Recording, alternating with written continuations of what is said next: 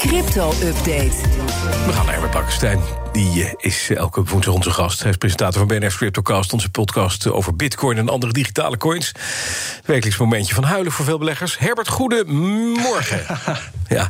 Morgen, Bas. Er is dan één lichtpuntje bij, want El Salvador zei... wij zijn van plan bitcoin in te voeren als legal tender... als wettig betaalmiddel. Hè? Dus je hebt de El Salvadoraanse dollar, ik noem maar wat... en de bitcoin om mee te betalen. Werd dit weekend bekend op een bitcoin-conferentie in Miami...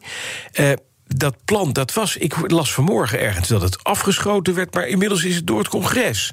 Wat gaat het betekenen? het, het, gaat dus echt waar. Het wordt dus echt waar. Het, ja, het wetsontwerp is aangenomen. Uh, het is echt waar. Dus in El Salvador uh, moeten winkels binnenkort over 90 dagen na publicatie in het El Salvadoraanse staatsblad of zoiets, moeten ze bitcoin gaan accepteren. Um, nou, wat gaat dat betekenen? Voor ons heel weinig, voor de wereld heel weinig. Um, het is een klein land. Het enthousiasme is wel heel groot onder Bitcoin-adepten en ook onder de congresgangers daar in Miami. En terecht is dat ook wel. Het is het eerste land dat zo'n stap zet. je kunt hier horen hoe de videoboodschap van president Bukele van El Salvador overstemd werd door gejuich van congresgangers. I will send to Congress a bill that will make Bitcoin a legal tender in El Salvador. In the short term, this will generate jobs and help provide financial inclusion to thousands outside the formal economy. And in the medium and long term, we hope that this small decision can help us push mm, Nou, feest. Ja, hij zei nog een hele hoop meer, maar het was niet Het was niet te horen, nee. Uh, en dan had je. Nee, en dan had je Jack Mellers van de app Strike, die was erbij betrokken. Die presenteerde deze hele bekendmaking en die barstte ze ongeveer in tranen uit. So, as of now, El Salvador is set to be the first Bitcoin country and the first country to make Bitcoin legal tender and treat it as a world currency and have a Bitcoin on their reserves. Dat, dat het echt gewoon ook emoties geeft. Ja, terwijl jij het net zegt, toch een echte Hollander ben je, Herbert. Het stelt niet zo gek van voor. Ja, ja, ja, ja, ja. Ja, ja precies. Uh, nee, want het heeft echt alleen betekenis als er meer landen volgen. En ja, dat moet nog maar blijken. In zijn eentje is El Salvador gewoon te klein. Uh, uh, en zoals ik net zeg, het is nog niet eens helemaal zover. Um, en op straat zal het daar ook weinig verschil maken in eerste instantie. Prijzen blijven gewoon in dollars. Amerikaanse dollars trouwens is daar de rekeneenheid. Mm Dat blijft het ook, staat ook in dat wetsontwerp. Ja. Uh, mensen zullen echt meer met dollars rondlopen dan met een Bitcoin-wallet op een, uh, op een app. En pas als er iets misgaat met de dollar, en daar is dit een soort voorbereiding voor, dan gaat het verschil maken. Ja. Nou werd bekendgemaakt, wordt het al net, klappende mensen op een, op een, op een, op een Bitcoin-conferentie eh, in, in Miami. Hoe, hoe kwam jij dit te weten eigenlijk? Nou, ik hoorde het via Twitter en dat komt doordat heel veel Bitcoin-influencers daar waren. En iedereen viel over elkaar heen om daarover te twitteren. En dan zag je meteen ook dat Bitcoiners vaak een hoop weten van Bitcoin, maar niet direct snappen wat dat legal tender betekent. Want er waren er nogal wat bij. Het wettig betaalmiddel. Er waren er nogal wat bij die dachten van hé, hey, Bitcoin wordt de munteenheid van El Salvador. En dat is gewoon niet zo. Overal zijn diverse wettige betaalmiddelen, ook in Nederland. En de dollar blijft dat dus in El Salvador ook. Dat heeft de minister van Financiën al daar intussen bevestigd. Ja, maar er waren ook wel meteen berichten dat andere landen in Midden-Amerika zo volgen, Panama, Paraguay, zelfs grotere economieën als Argentinië en Brazilië.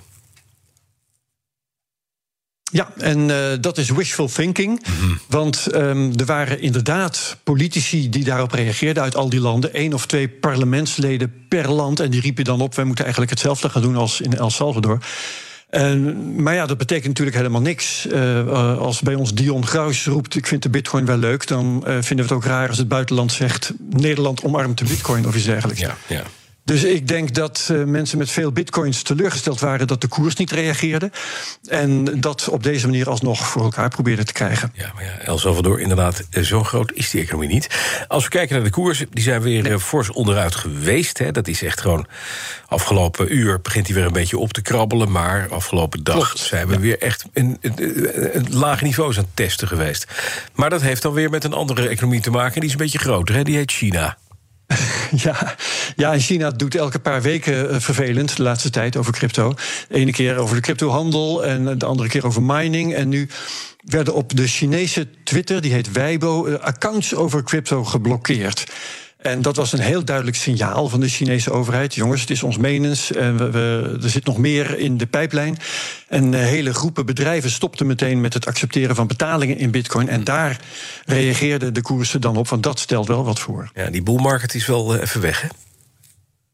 Ja, die is weg. We zijn nu zo wat terug op het niveau van begin januari. Het all-time high is twee maanden geleden. Dat was de eerste helft van april. De koers is 50% gedaald sindsdien. We zijn terug op de prijzen van vijf maanden geleden. Nou, en toch lees je nog steeds commentaren over.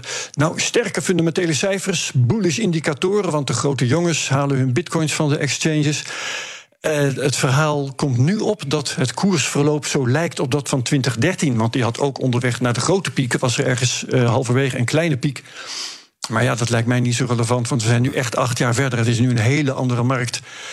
Dus wie weet gaat het feest wel als een nachtkaars uit deze keer. En uh, zijn al die influencers op Twitter nog in de ontkennende fase? dat, ja, we zullen het wel merken. Ja, denk het ook. Wat zit er in de CryptoCast morgen, Herbert? Nou, Mark van der Scheijs, en dat is een doorgewinterde Bitcoin-boel die ook nu nog zegt: We zitten in een boelmarkt, jongens.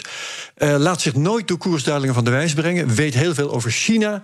Hij heeft crypto-investeringsbedrijven opgericht en ook een miningbedrijf. Dus bij hem komen heel veel van die lijntjes bij elkaar. Ja. En ik ondervraag hem samen met co-host Krijn Soeteman. En die is auteur van Crypto for Dummies. Dus dat is ook een hele goeie. Wellicht leeft Mark van der Scheijs straks uit een boodschappenwagentje onder een tunnel ergens.